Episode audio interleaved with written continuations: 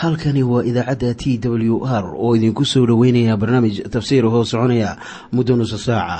Waxaana barnaamijkan codka waayaha cusub ee waxbaridda ah idiin soo diyaariya masiixiin soomaaliya.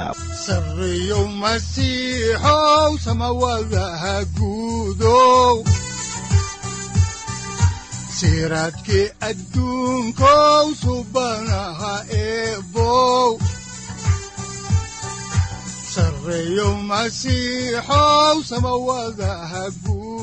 ku soo dhowaada dhegaystayaal barnaamijkeenna dhammaantiinba waxaan horay u sii ambaqaadi doonnaa daraasaadkii la magac baxay baibalka dhammaantii. Waxaannu caawa idiin sii wadi doonnaa barashada kitaabka falimaha rasuullada dhegaystayaal kitaabka falimaha rasuullada waa kitaab taariikhi ah oo ay tahay in qof waliba wax uu ka barto si uu ku garto taariikhda kitaabka ahdiga cusub. Waxaanan caawa idiin sii wadi doonnaa cutubka saddex iyo labaatanaad ilaa iyo kan afar iyo labaatanaad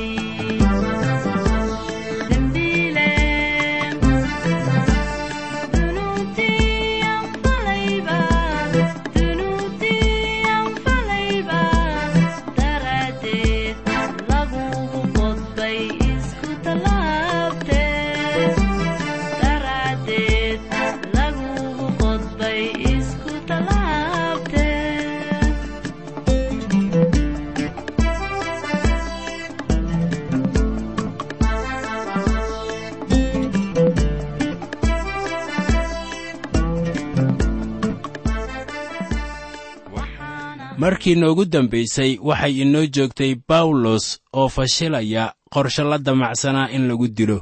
Waxaana hadalka soo dhegadhegeeyey wiil uu bawlos abti u ahaa. Bawlosna hadalkii wuxuu gaarsiiyey boqol u taliyihii. Sababtaas aawadeed ayaa iminka bawlos waxaa loo dirayaa kaysariya. Haddaan markii ugu horraysay caawa idiin bilowna xigashada kitaabka ayaannu eegaynaa cutubka saddex iyo labaatanaad aayadda saddex iyo labaatanaad ee baalka laba boqol shan iyo konton ee ahdiga cusub kitaabka falimaha rasuullada waxaana qoran sida tan. Markaasuu wuxuu u yeedhay laba ka mid ah boqol u taliyayaashii oo uu ku yidhi waxaad diraysaan inay saddexda saacadood oo habeennimo tagaan ilaa kaysariya laba boqol oo askar ah iyo toddobaatan fardooley ah iyo laba boqol oo warmooley ah haddaba boqol u taliyo waliba wuxuu xukumaa boqol askari kuwaasoo amarka ka qaadanaya. Haddaan aayadda afar iyo labaatanaad halkaasi ka sii wadno ayaa waxaa ku qoran iyana sida tan. Wuxuu kaloo ku yidhi keena neefaf ay bawlos fuuliyaan oo nabad isaga ugu geeya taliya felikos. Waxaa bawlos la soo raacshay ciidamo fara badan oo u galbiyey kaysariya. Haddaba in ilaah lagu kalsoonaado ma in ciidamo ay galbiyaanba haddaan ka jawaabno su'aashaasi ayaa boqol u taliyuhu amarka bixiyey. Bawlosna uu soo jeediyey. Hubaashii bawlos wuxuu samaynayaa doonista ilaah. Waxaa kaloo xaaladdaasu ay muujinaysaa sida bawlos nafsaddiisu ay khatar ugu jirtay had iyo goorba. Waxaana hubaal ah in yuhuuddu ay doonayaan hadday u suurtowdo inay dilaan isaga waxaa iminka bawlos loo diray guddoomiyaha ama gubernatoraha gobolka kaysariya ee la odhan jiray felikos. Madaxdii reer rooma ee joogi jirtay dhulka israa'iil waxay fariisimadoodu ahaayeen kaysariya waxayna yeruusaalem tegi jireen wakhtiyada qaar. Bilaatos ayaa ka mid ahaa saraakiishii degganayd kaysariya.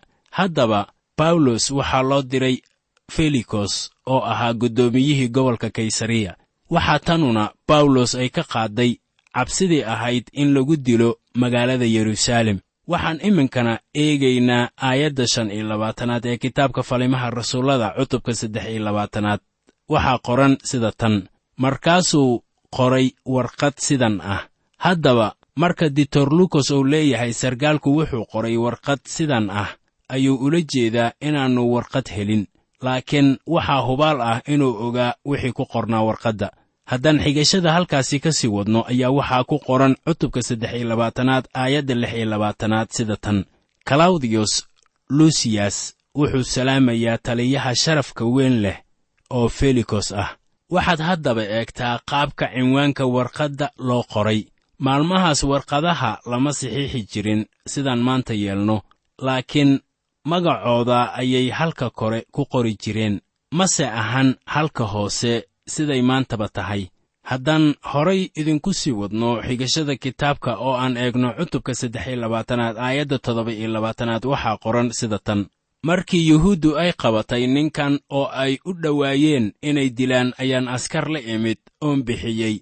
Markaan ogaaday inuu reer rooma yahay. Haddaba ninkan sargaalka ah ee jooga yeruusaalem wuxuu doonayey in guddoomiyaha kaysariya jooga uu ogaado inuu waajibaadkiisa gudanayo.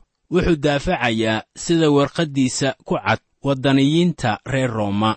Haddaan horay idinku sii wadno xigashada kitaabka falimaha rasuullada oo aan eegno cutubka saddex iyo labaatanaad aayadaha siddeed iyo labaatan ilaa sagaal iyo labaatan waxaa qoran sida tan. Anigoo doonaya inaan ogaado sababtii ay ku dacwaynayeen ayaan isagii shirkoodii hor keenay kaasoo aan markaasi gartay inay isaga ku dacwaynayeen su'aalo ku saabsan sharcigooda laakiin inaan lagu ashtakayn wax uu ku istaahilo in la dilo ama in la xidho.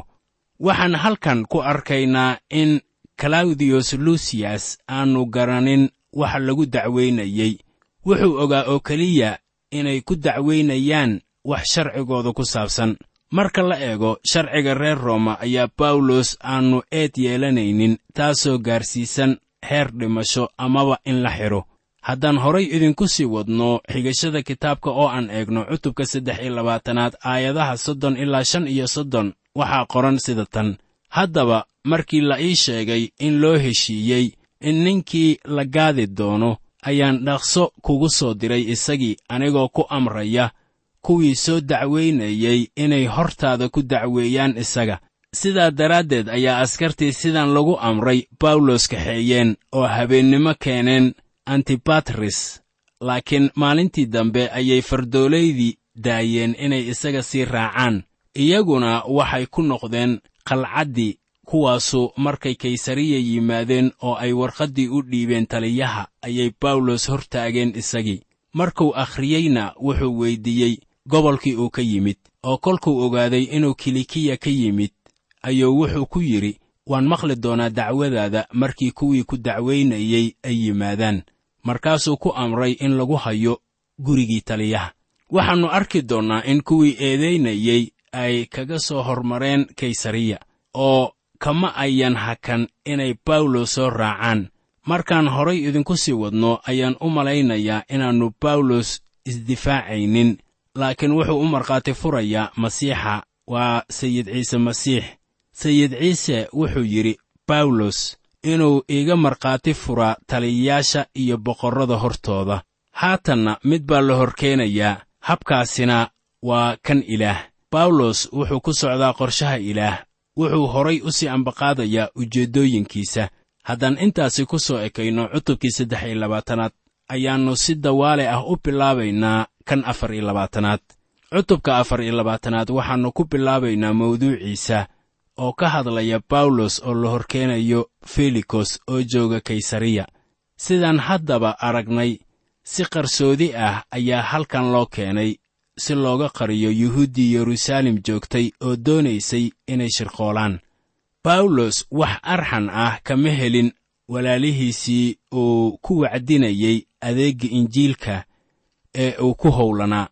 Waxaan markaasi dareensanahay in bawlos ay wakhtigan u ahayd mid niyad xumo leh oo welibana wax qalbi qaboojin ah ma haysanin. Waxaana taasu ay keentay in sayidku uu u yimaado habeenkaasi oo uu dhiirro geliyo sidaan ku soo aragnay cutubka saddex iyo labaatanaad aayaddiisa kow iyo tobanaad. Wuxuu kaloo u sheegay addoonkiisan daacadda ah inuu isaga ugu markhaati furo rooma sayidkuna kuma odhan in isaga wax ku saabsan lagu wacdiyo dunida inay tahay howl fudud.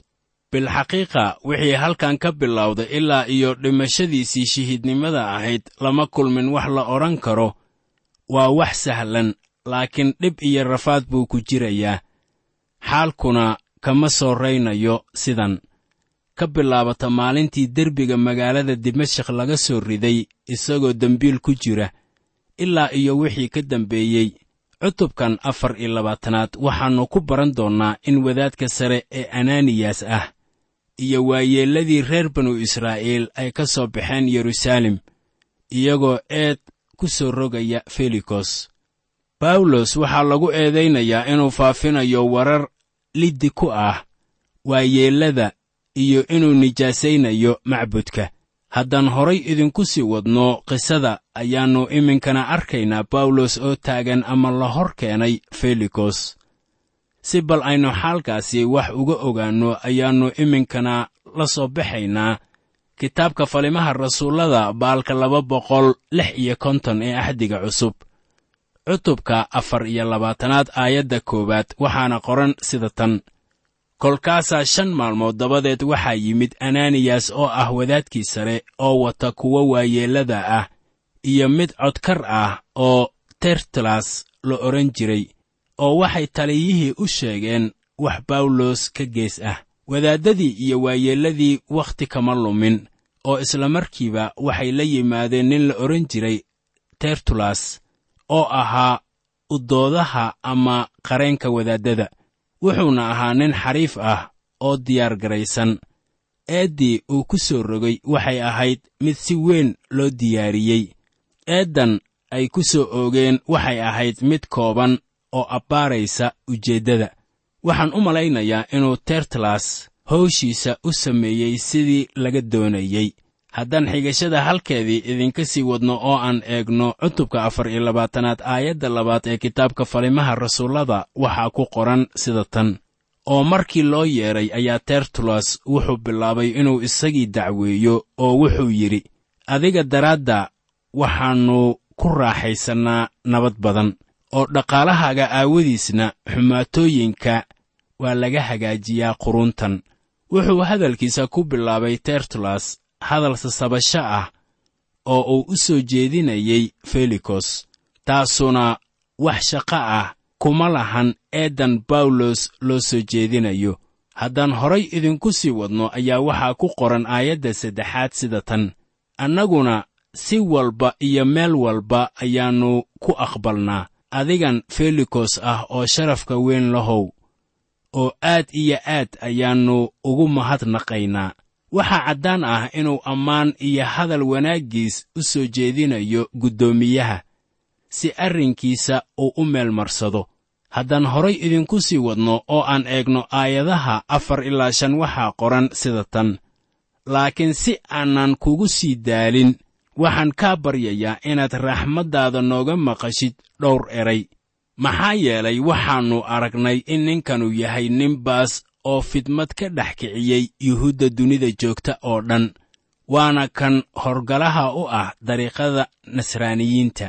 Wuxuu bawlos ugu yeedrayaa fidnawade in kastoo aannu taasi caddayn u haynin dabcan. Isagoo hadalladiisa sii wata ayaa tertulas uu leeyahay sida ku qoran aayadaha lix ilaa sagaal ee cutubka afar iyo labaatanaad ee kitaabka falimaha rasuullada. Waxaana qoran sida tan oo wuxuu aad ugu dadaalay inuu macbudka nijaaseeyo oo weliba annagu waan soo qabannay isagii oo waxaannu ku xukumi lahayn wax sharcigayaga ku saabsan. Laakiin waxaa yimid sargaalkii sare oo luusiyas la yidhaahdo oo gacantayada xoog kaga baxshay isagii oo wuxuu kuwii soo dacwaynayey ku amray inay hortaada yimaadaan isaga markaad adiga qudhaadu imtixaantid waad ka ogaan kari doontaa waxyaalahan aannu isaga ku dacwaynayno oo dhan. Oo yuhuuddiina way ku darmadeen dacwadii iyagoo adkaynaya in waxyaalahaasu ay saas yihiin. Haddaba marka la leeyahay yuhuuddiina way ku raaceen ayaa loola jeedaa madaxdii diinta oo dacwadan ku soo oogayey bawlos waxaad kaloo ogaataa sida uu u fasirayo xaalka. Sargaalkii sare waxa ku saabsanaa ee ahaa inuu bawlos soo bixiyey. Eedeen maayo luusiyas laakiin wuxuu ku hor daleecaynayaa guddoomiyaha. Markaan eegno khudbadii tertulos ayaan arkaynaa inuu ammaanayo felikos wuxuuna si cadaaladdarre ah u eedaynayaa bawlos wuxuuna ceebe is leeyahay kalawdiyos wuxuu bawlos ku eedeeyey inuu fidno wada yahay oo uu hoggaamiye u yahay dariiqo caasiyiin ah oo uu nijaaseeyey macbudka. Tartulos oo wakiil u ahaa wadaaddada sare ayaa dacwadii hor keenay felikos.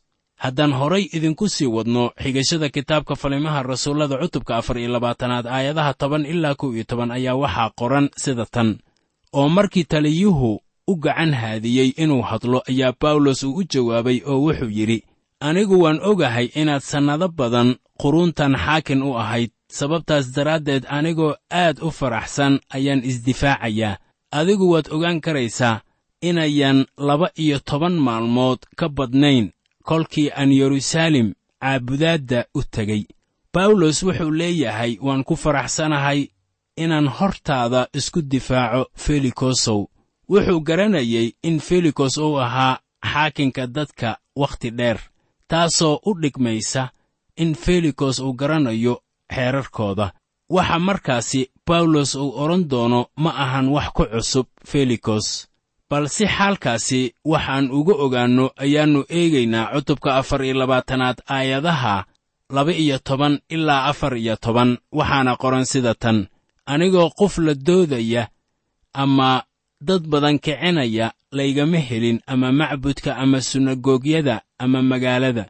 Kuumana ay caddayn karaan. Waxyaalaha ay iminka igu dacwaynayaan laakiin tan baan ku qiranayaa inaan ilaaha awowayaashayo ugu adeego sida jidka ay yidhaahdaan dariiqo bidcinnimo ah. Anigoo rumaysan waxyaalaha sharcigu leeyahay oo dhan iyo waxyaalaha lagu qoray kitaabbadii nebiyada maadaama felikos uu garanayo caadada yuhuudda ayaa bawlos uu ku leeyahay wuxuu tegay yeruusaalem si uu halkaasi ugu soo cibaadaysto isagoo raacaya sharciga. Run ahaantii wuxuu leeyahay wax tafaraaruq ah lama dhex imaanin quruntan. Waxaanse qirayaa sida aan wax u caabudo inay iyaga u yaqaaniin bidcinnimo. Laakiin bawlos wuxuu caddaynayaa in sida uu ilaah u caabudo ay waafaqsan tahay farriinta ay ka heleen awowayaashood ama wixii nebiyada ay ku qoreen axdigii hore.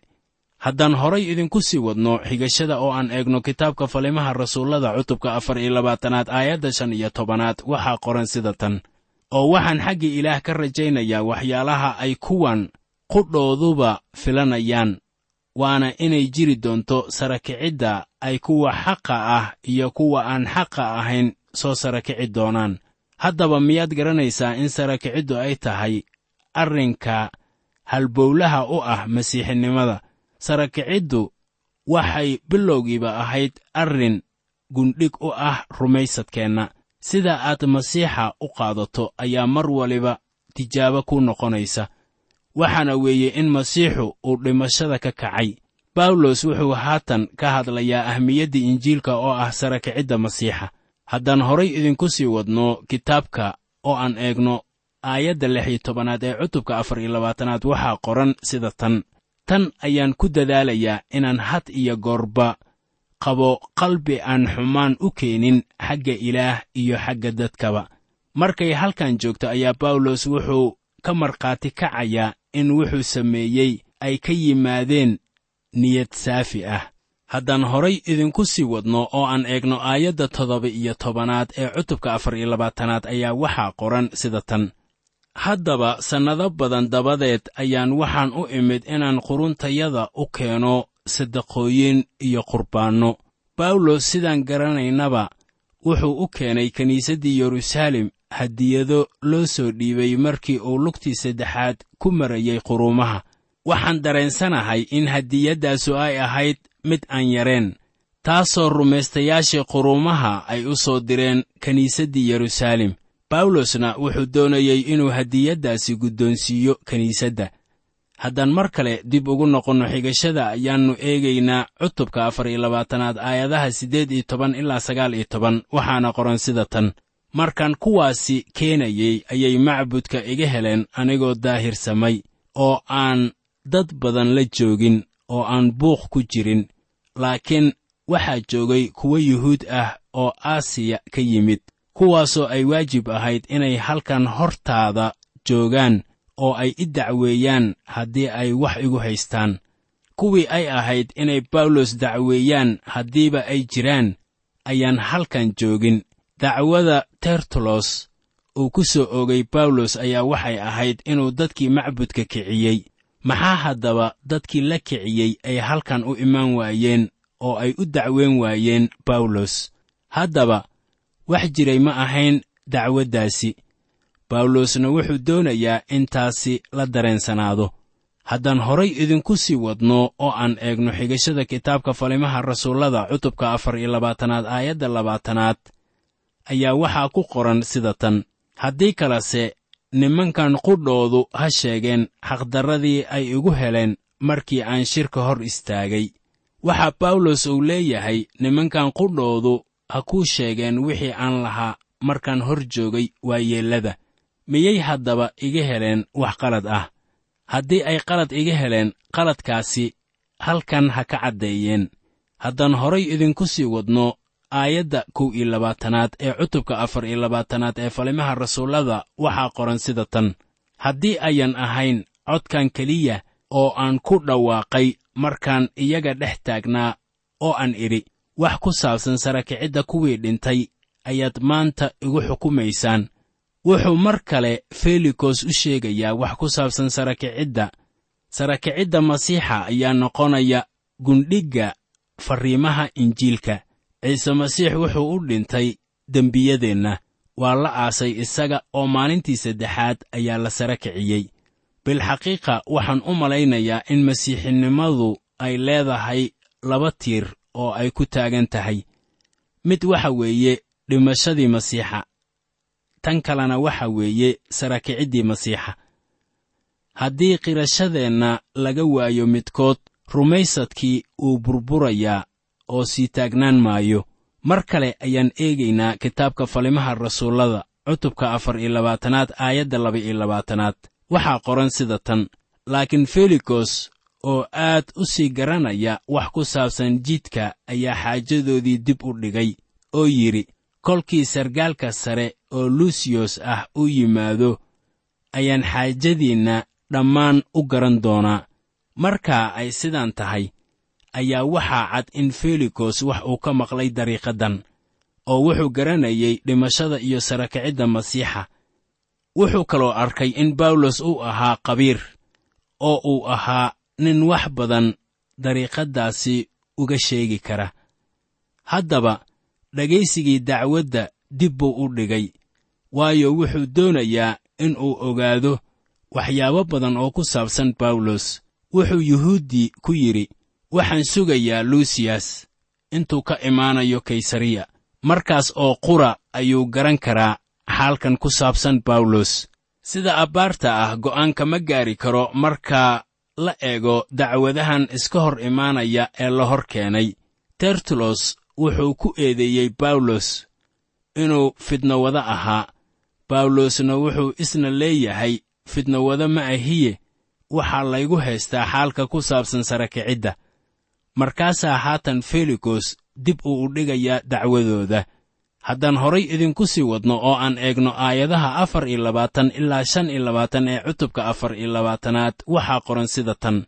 Laakiin dhowr maalmood dabadeed ayaa felikos u yimid isagoo ay naagtiisa drusilla oo yuhuudad ah la socoto oo wuxuu u cidirsaday bawlos oo wuxuu ka maqlay wax ku saabsan rumaysadkuu rumaystay ciise masiix oo intuu kala hadlayay xaqnimada iyo iscelinta iyo xukunka imaanaya ayaa felikos oo cabsaday uu u jawaabay oo uu ku yidhi haatan iska tag oo markaan wakhti wanaagsan helo ayaan ku yeedhan doonaa. Haddaba felikos wuxuu iminka u yeedhanayaa bawlos si uu tafaasiil dheeraad ah uga bixiyo injiilka keenay wareerkan weyn markii uu u yeedhay ayuu dhegaystay waxa ku saabsan rumaysadka ciise masiix. Haddaba dadka qaar bay la tahay in bawlos markan labaad uu isku hor difaacayay felikos. Laakiin xaalku saas ma ahan ee wuxuu doonayey oo keliya inuu kala hadlo wax ku saabsan ciise masiix.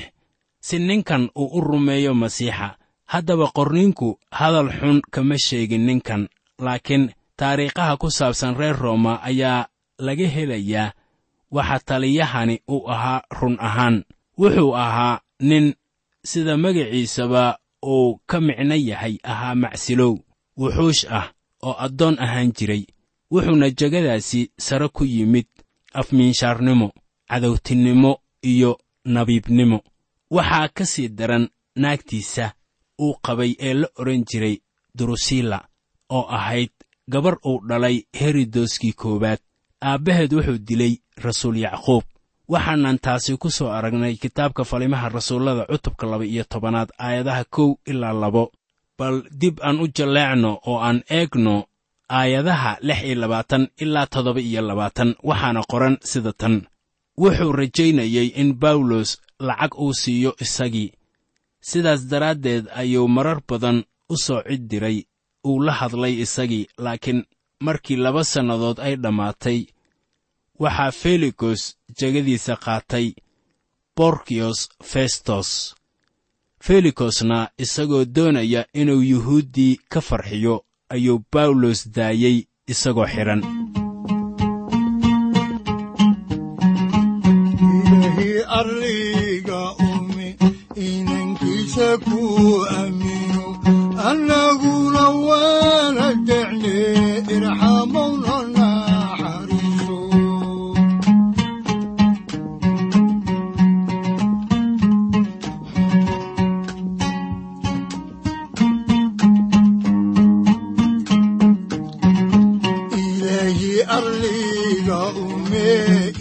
inankiisa ku aamino annaguna waana decne irxamowna naxariiso sarreeyo masiixow samawadaha guudow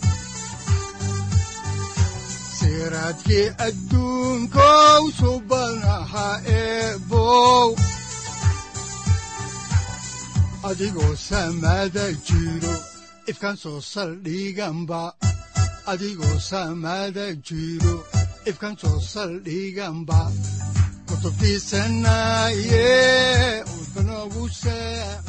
halkani waa t w r idaacadda t w r oo idinku leh ilaa ha idin barakeeyo oo ha idinku anfaco wixii aad caawi ka maqasheen barnaamijka. Waxaa barnaamijkan oo kalea aad ka maqli doontaan habeen dambe. Hadahan oo kale haddiise aad doonaysaan in aad fikirkiina ka dhiibataan wixii aad caawi maqasheen ayaad nagala soo xiriiri kartaan som t w r at t w r c o k e haddii aad doonaysaan in aad dejiisataan oo kaydsataan barnaamijka ama aad mar kale dhegaysataan fadlan mar kale booqo www t w r o r g amase www t t b t w r o r g. Amase waxaad teleefoonkaaga ku kaydsataa ama ku download garaysataa agabyada ku sahli karaa dhegeysiga t w r haddii aad doonayso in laga kaalmeeyo dhinacyada fahamka kitaabka amase aad u baahan tahay duco fadlan fariimahaaga soo mari bogga aaraahda ama kommentska inana jawaab degdeg ah ayaanu ku soo diri doonaa amase ku siin doonaaye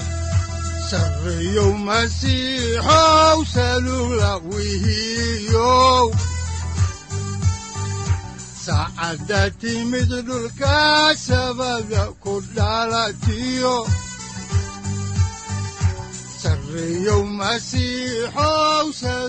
halkani waa t w r oo idiin rajaynaya habeen baraare iyo barwaaqaba leh. Inta aynu ka gaari doono wakhti aynu ku kulanno barnaamij la mida kan caawayay aad maqasheen. Waxa aan idinku leeyahay nabadda ciise masiix ha idinku badato xagga jidhka iyo ruuxaba. Aamiin